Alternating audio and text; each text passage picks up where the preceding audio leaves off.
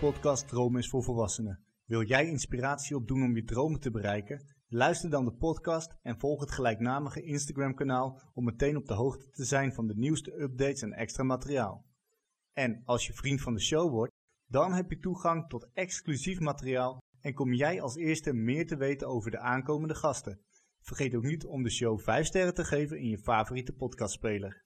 Vandaag heb ik Daan ten Heuvel te gast. Daan heeft jarenlang op Europees en wereldniveau gejudood. Recent is hij gestopt met het beoefenen van deze sport op topniveau en heeft hij een ander pad gekozen. Wat heeft hij in al die jaren moeten doen en laten om op dat niveau te komen en te blijven? Wat is de reden dat hij een ander pad heeft gekozen en welke lessen van toen past hij toe in het bereiken van zijn dromen op dit moment? Daan, welkom bij de podcast. Ja, dankjewel Paul. En, Leuk eh, dat ik erbij ben. Ja, nou ja, welkom. Leuk dat je hier wou zijn. En hoe gaat het nou zo met je op deze, nou ja, wat is het? Half november 2021 en de coronacijfers die eh, schieten door het, eh, door dak door, heen. hè? door het plafond. Ja, gaat goed. Eh, nou, mooie introductie. Het leven staat er nu wel wat anders voor dan toen inderdaad. Toen topsport gedaan.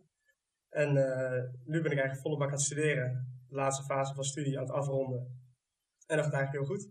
En voor de luisteraars, want ik weet het natuurlijk wel, maar wat studeer je nu? Ja, precies. Ik, ik studeer fysiotherapie. Oké, oké.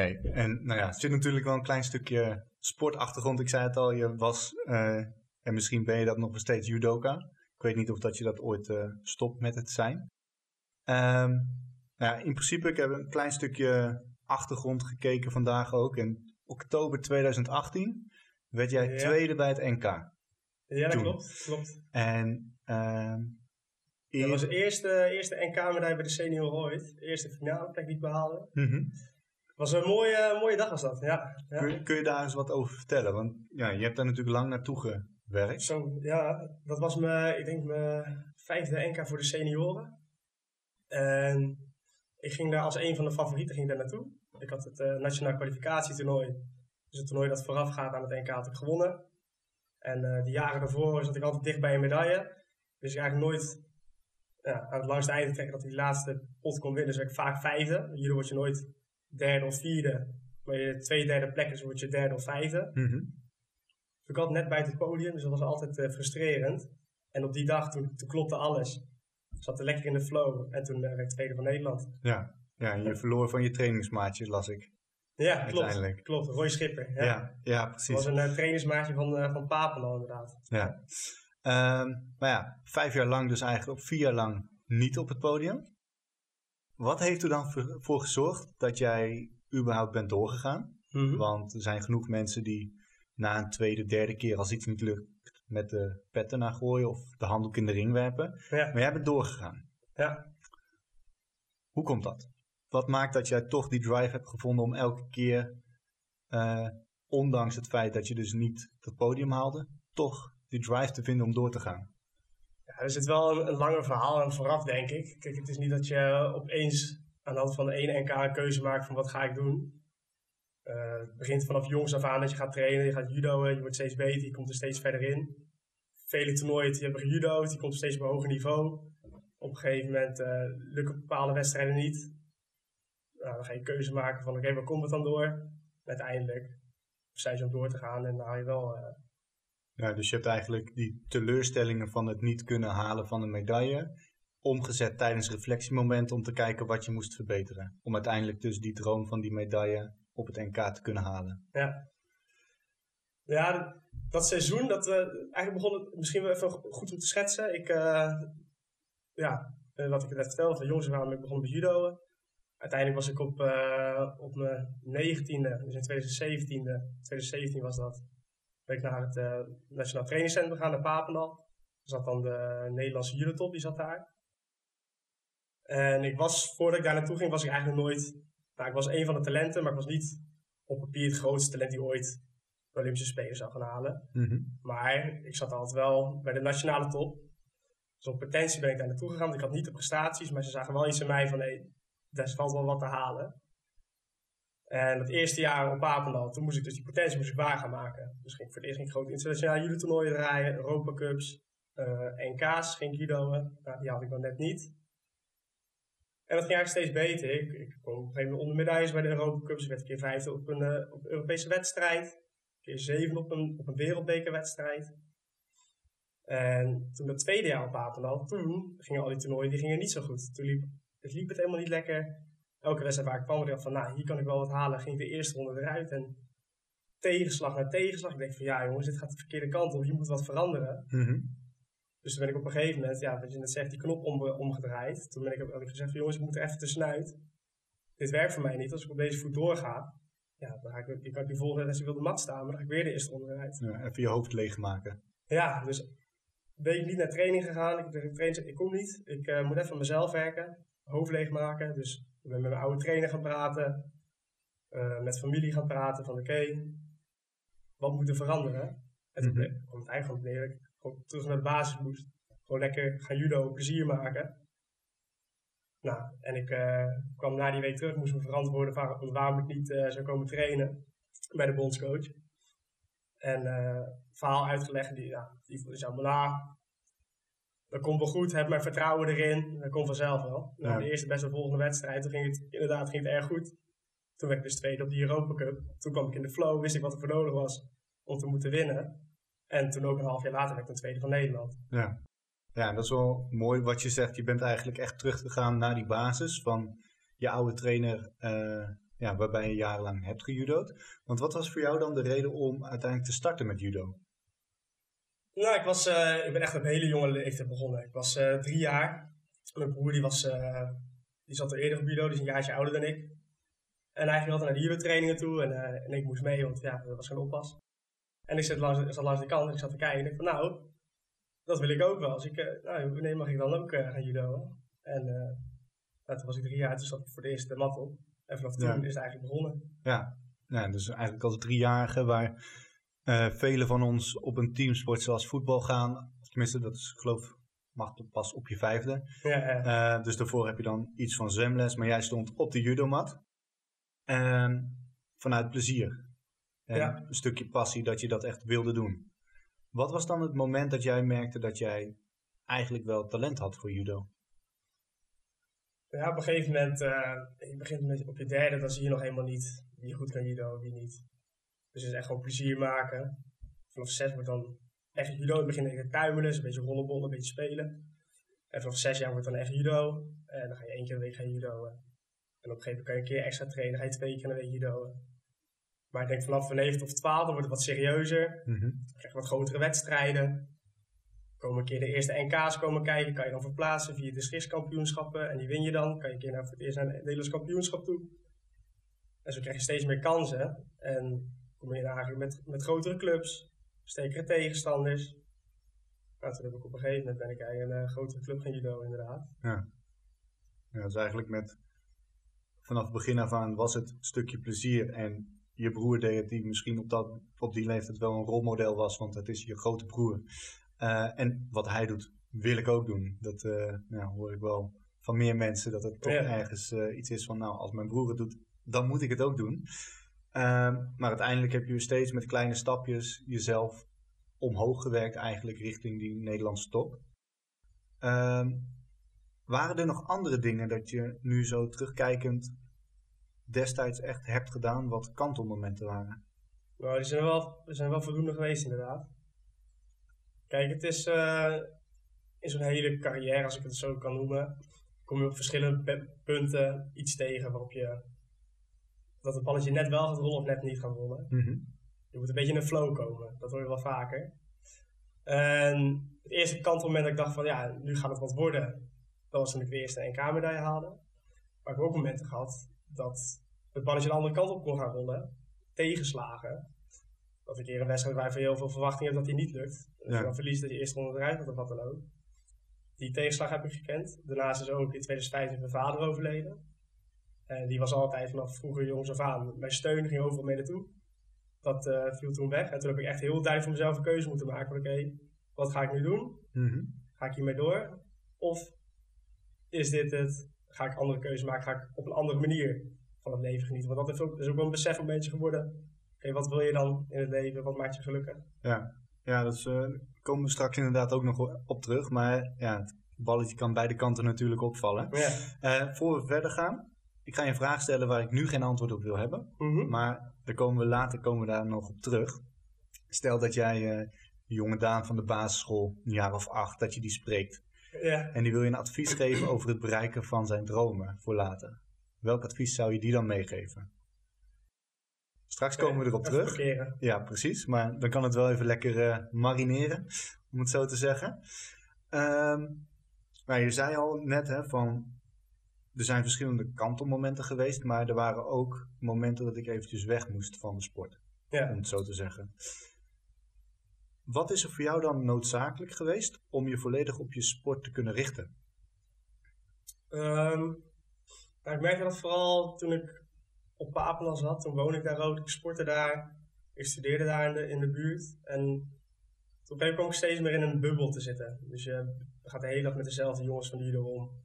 Gaat met ze naar school. Je gaat leuke dingen met elkaar doen. En op een gegeven moment draait je hele leven draait alleen maar om judo, judo, judo. Mhm. Dus je zit er zo diep in.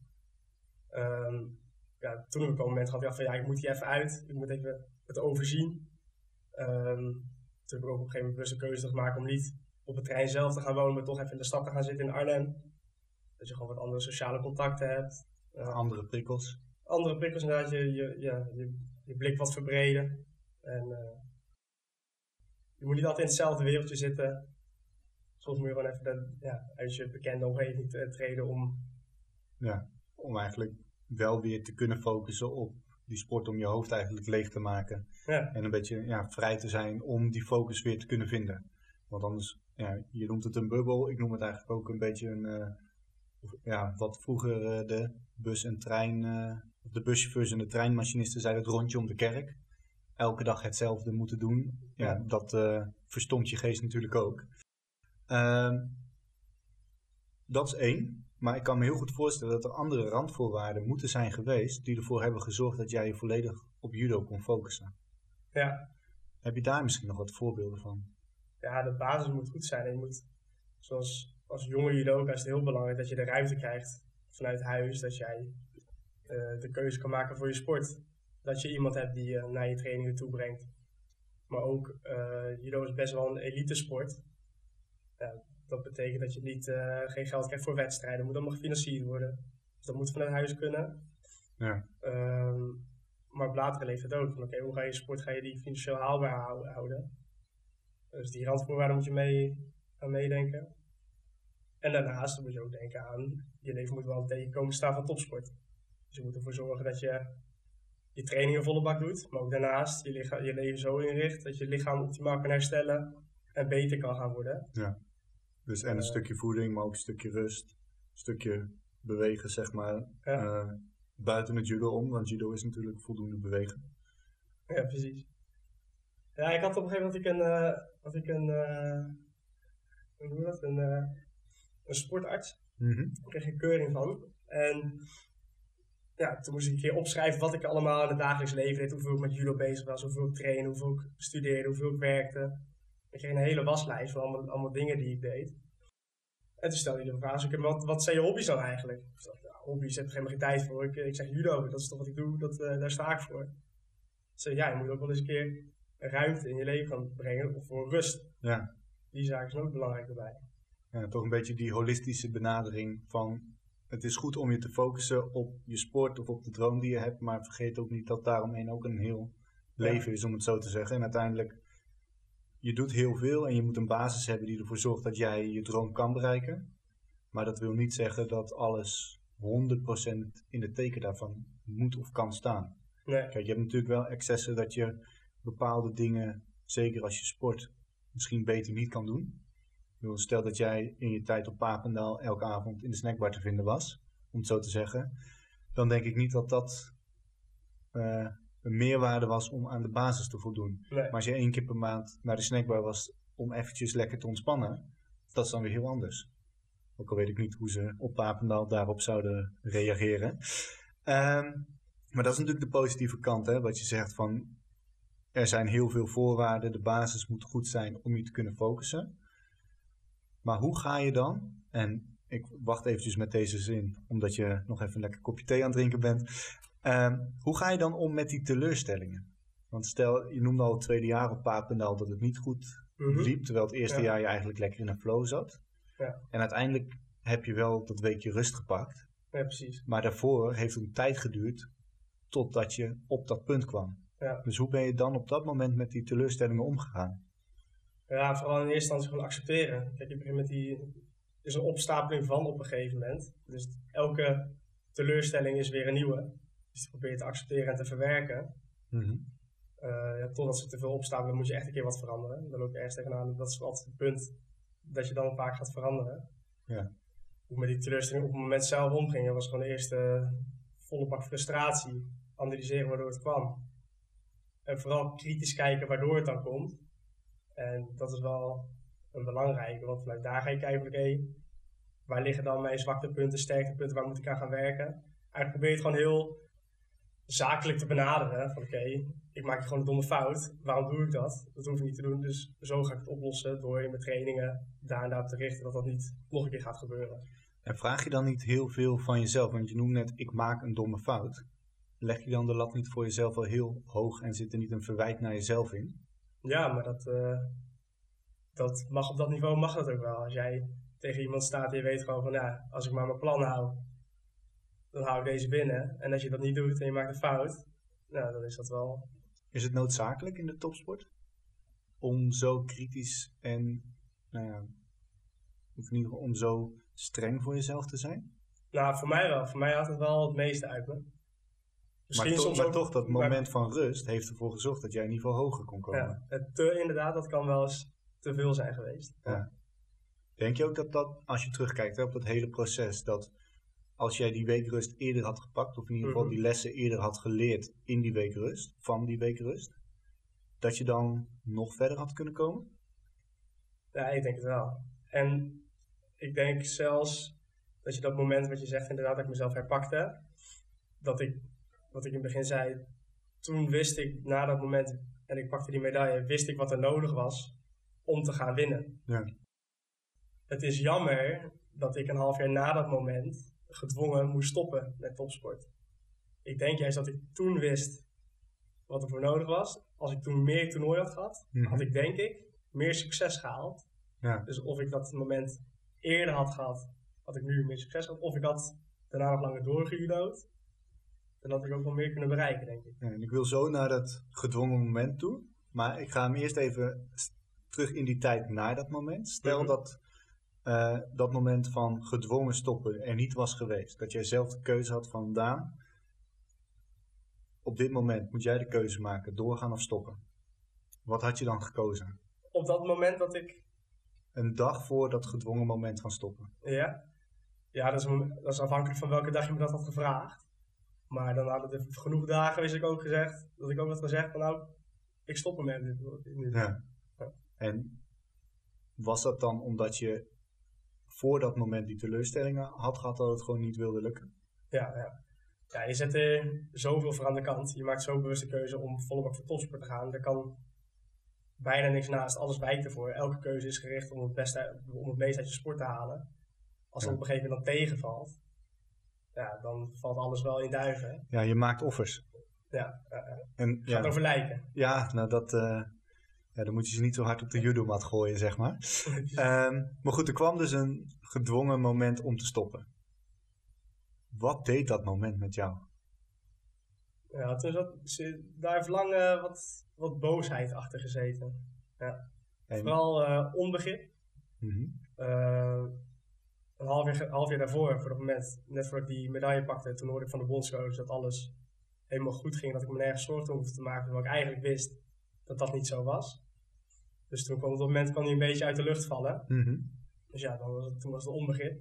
Ook omdat de resultaten daarvoor eigenlijk positiever waren dan het eerste halfjaar. Ja, precies. Ik wist ik, in mijn hoofd dat ik toen juist van, nou, ik weet niet wat er voor nodig is. Als jij me nu genoeg toernooien geeft, dan komt dat vanzelf. Ja. Maar ja, dat, eh, de bondscoach gaf dan eigenlijk aan van Daan, dit is zeg maar jouw eindstation bij ons. Ja, die zag geen potentie meer in inderdaad. En eh, die maakte een keuze om met andere judokers door te gaan en eh, mij daar niet in mee te nemen. En heb je in dat hele proces daarvoor, hè, en dan bedoel ik echt vanaf bewijzen van 16 jaar tot uiteindelijk dat moment, heb je ooit getwijfeld of dat jij zou moeten doorgaan of dat je op het goede pad zat met de dingen die je deed voor het judo? Ja, je hebt, je hebt, altijd, je hebt genoeg twijfels denk ik hoor. Heb ik wel gehad. Kun je eens wat voorbeelden geven? Ja, twijfels. Ik denk van, eh, ga ik het wel redden? Ben ik wel goed genoeg? Zijn die jongens niet beter? Doen die niet meer dan ik? En dan probeer je te redeneren, nee, ik doe er alles voor en ik train de bal uit mijn broek, zeg maar. Eh, dus meer dan dat kan ook niet. En later kreeg ik ook wel de bezinning dat ik ook wel denk dat ik genoeg heb gedaan dat ik mezelf niks kan verwijten als ik mezelf in de spiegel aankijk. Ja. Daar kan ik even reden mee hebben. Ehm, ja.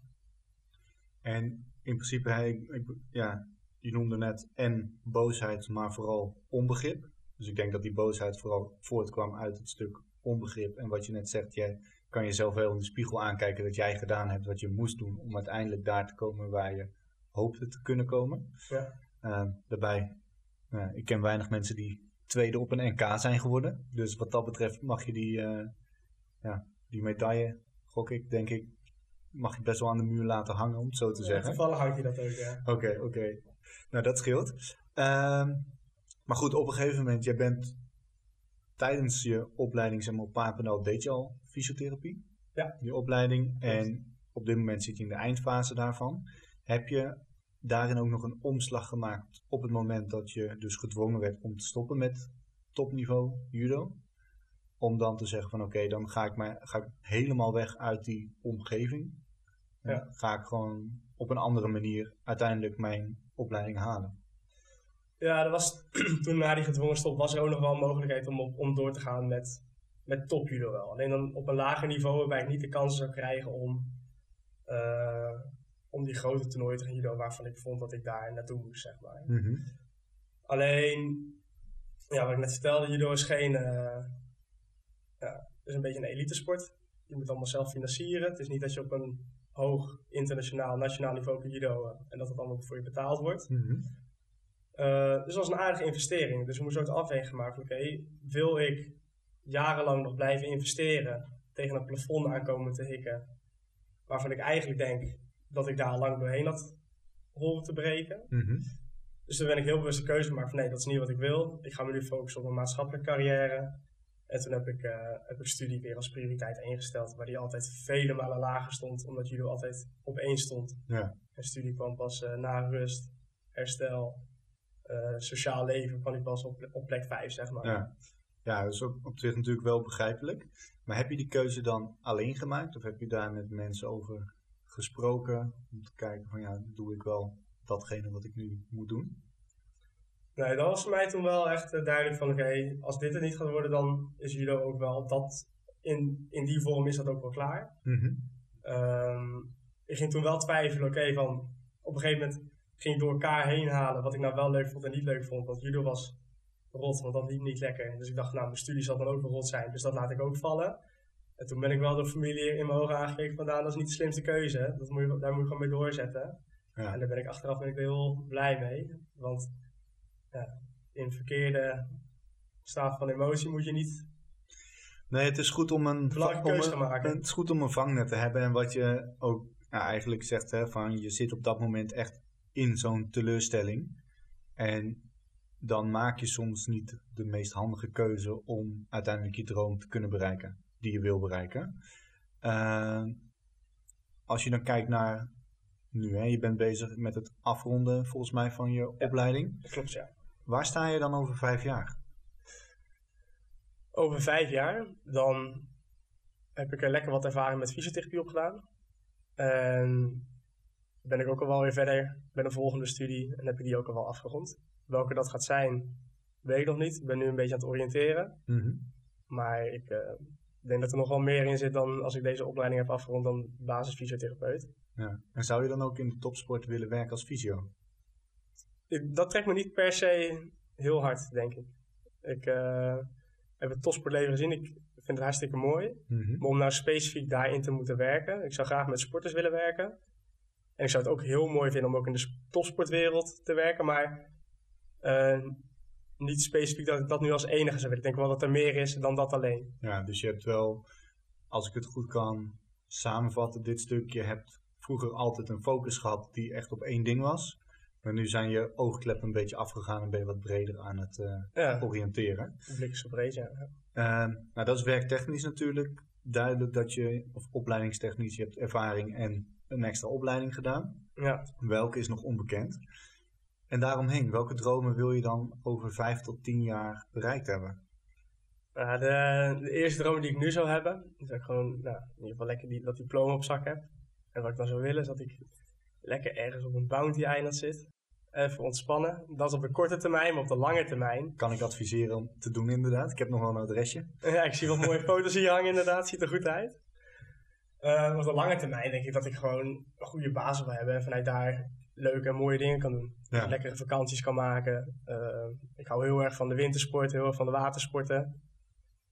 Dus dat je niet leeft om te werken, maar werkt om te leven. En er echt van kan gaan genieten. Ja. En als je dan kijkt, hè, want je hebt eigenlijk het merendeel van je leven echt een sport slash topsportmentaliteit gehad. En daar heb je heel veel competenties uitgehaald en vaardigheden geleerd. Welke competenties en vaardigheden neem jij dan mee in het bereiken van die dromen? Ik denk dat ik uh, heel kritisch naar mezelf ben. Dus echt kijken van oké, waarom doe ik dit? Waarom wil ik dit? Um, en veel van mezelf vraag. Ik zal altijd een stapje harder lopen dan een stapje minder. Dus dat maakt wel dat je, als je op elk vlak iets doet, dat je het meeste eruit wilt halen. Ja, en dat is natuurlijk belangrijk, het kritische naar jezelf toe. En wat ik eigenlijk hoor in jouw hele verhaal is, um, en zo komt de sportjudo ook op mij over hoor, dat het heel individueel is. Ja. Um, maar destijds toen je op Papendal zat, had je wel een vast team om je heen, een vaste bubbel. Hoe belangrijk zijn dan mensen in je omgeving voor het bereiken van jouw dromen? Destijds, maar ook ja, nu naar de toekomst toe. Nou, heel belangrijk, want je kan je droom alleen wel bereiken of beleven, maar het is nog mooier om ze samen te delen. Mm Dus de successen vierde je toen samen, maar ik zou ook nu de mooie gelukmomenten, de vakanties, die wil je ook delen met je, met je naasten, zeg maar. Ja. Maar uh, destijds in die bubbel, waren de mensen met wie je omging, waren dat dan ook jouw concurrenten? Ja, sommigen wel, ja. Sommigen wel. Hoe is dat dan? Hoe is die interactie erin? Want als je zegt van ik wil dromen bereiken en je wil, nou je ziet het ook bij de baanwielrenners, daar zijn ook alle verhalen dat iedereen elkaar beter wil maken. Ja. Maar uiteindelijk heb je altijd een nummer 1 en een nummer 2, want het is los van de teamsprint een individuele sport. Ja. Hoe gaat dat dan? Hoe heb je dan dat je soms zegt van nou ja, weet je, ga jij maar? Of ja, uiteindelijk worden de keuzes altijd van bovenaf gemaakt. Dus het is nooit persoonlijk naar iemand toe. Mm Maar wat wel persoonlijk is, is hoe je op de training jezelf tegen elkaar laat zien. Dus als op het moment dat we op de mat staan en we zijn vrienden van elkaar, dan telt het allemaal niet. Dan sta jij en ik tegenover elkaar en dan ga ik er alles aan doen. Dus jij op de grond komt te liggen en dat Ja. het liefst nog de trainer dat ziet, dat hij ziet dat ik beter ben. Eh, ik kon dat gevoel kon ik dat altijd heel goed loslaten. En op het moment dat ik van de mat afstapte, was dat klaar en waren we weer maten. Maar sommigen hadden daar wel meer moeite mee. En sommigen konden ook niet dat los van elkaar zien. En die zagen buiten de mat nog steeds de ander als echte concurrent. En die waren dan ook niet vrienden van je. nee. Dat hoeft ook niet, want we waren met een grote ploeg daar. Eh, dus je had zo je groepjes. Maar dat was soms wel eens lastig, ja. Ja. Wel eens botsen. Ja. Ja, want je hebt natuurlijk trainingspartners en als trainingspartner maak je elkaar beter. Ehm, op dit moment, en dat is misschien voor de luisteraars nog wel leuk om nu even erin te gooien, jij bent een van de eh, begeleiders van de medische staf van mijn voetbalclub, van het team. Ja, er, oh, sorry, hoor. erg leuk om te doen. Ja. Ja, want hoe, hoe is die dynamiek dan anders? Want nou ja, voetbal is veel meer een teamsport en dan heb je elkaar echt nodig om uiteindelijk je doel of je droom van het kampioenschap te bereiken. Ja. En als judoka heb je dat niet. Nee, nee, dat heb je eh, inderdaad. Dan sta je er zelf voor. Ehm, ja, en het vooral met sfeer te maken moet hebben. En zelf kan je jezelf ervoor zorgen dat je bepaalde. Je hebt meer dingen in eigen hand. Terwijl in Mhm. teamverband ben je meer met andere. Er komen nog meer factoren erbij die bepalen of dat je wel of niet succesvol gaat worden. Ehm, Is je basis dan ook anders? de basis vanuit. Nou, je, net eerder in het gesprek hebben we het eh, gehad over de basis die jij nodig had om uiteindelijk als judoka verder te komen. Is die basis in jouw optiek dan wezenlijk anders van de basis van een voetbalteam? Of van een ander team? Nee, ik denk dat de basis in principe wel hetzelfde moet zijn. Alleen je moet dat wel gelijk trekken naar iedereen. Op het moment dat iedereen Eh, als je een, plan, een doel met elkaar opstelt en je gaat een plan maken hoe je daar moet komen, Mhm. eh, dan is het wel een zaak dat iedereen daarvoor dezelfde dingen over wilt laten. Dat je geen scheve gezicht gaat krijgen. Dat iedereen er wel op één lijn zit. Maar in de basis moet je er wel voor zorgen dat nou, iedereen zijn trainingsarbeid goed heeft, zijn rust goed heeft. Eh, en dat vraagt veel meer communicatie, veel meer afstemming, dan dat je in- als individu ooit zal hebben. Ja, dus eigenlijk, als ik het goed kan samenvatten, als team en als individu moet je een plan hebben en moeten alle spelers binnen eh, het bereiken van het plan, of het doel eigenlijk waar het plan voor is, die moeten hun taak vervullen. Alleen is het binnen een team veel complexer, omdat je veel meer poppetjes hebt eigenlijk die een rol spelen. Ja, ja. Goed gezegd. Nou, dan heb ik toch een goed, eh, goed geluisterd daarin. Dat is altijd fijn. Ehm, als je dan kijkt hè, naar één essentieel punt. Is dat dan toch die motivatie die jij hebt gehad en die je meeneemt in het hele verhaal? Ja, discipline, dat is wel een belangrijke. Op het moment dat ik iets zeg dat ik doe, dan zal ik het ook doen. Ja, Dan sta ik erachter, zorg ik voor dat het gebeurt. Dus ja, dat komt vanuit je motivatie. ja, ja dus discipline is inderdaad misschien het betere woord van doe de dingen die je moet doen om daar te komen waar je wil zijn. Ja. Oké. Nee, dat is eh, sowieso mooi. Ik zit even te kijken hè, van zijn er nog dingen rondom het bereiken van dromen dat je zegt van ja, dit is nog wel belangrijk binnen de topsport wat we nog niet hebben aangestipt. Nou, de belangrijkste factor zal toch blijven plezier maken. Dat moet echt de basis zijn.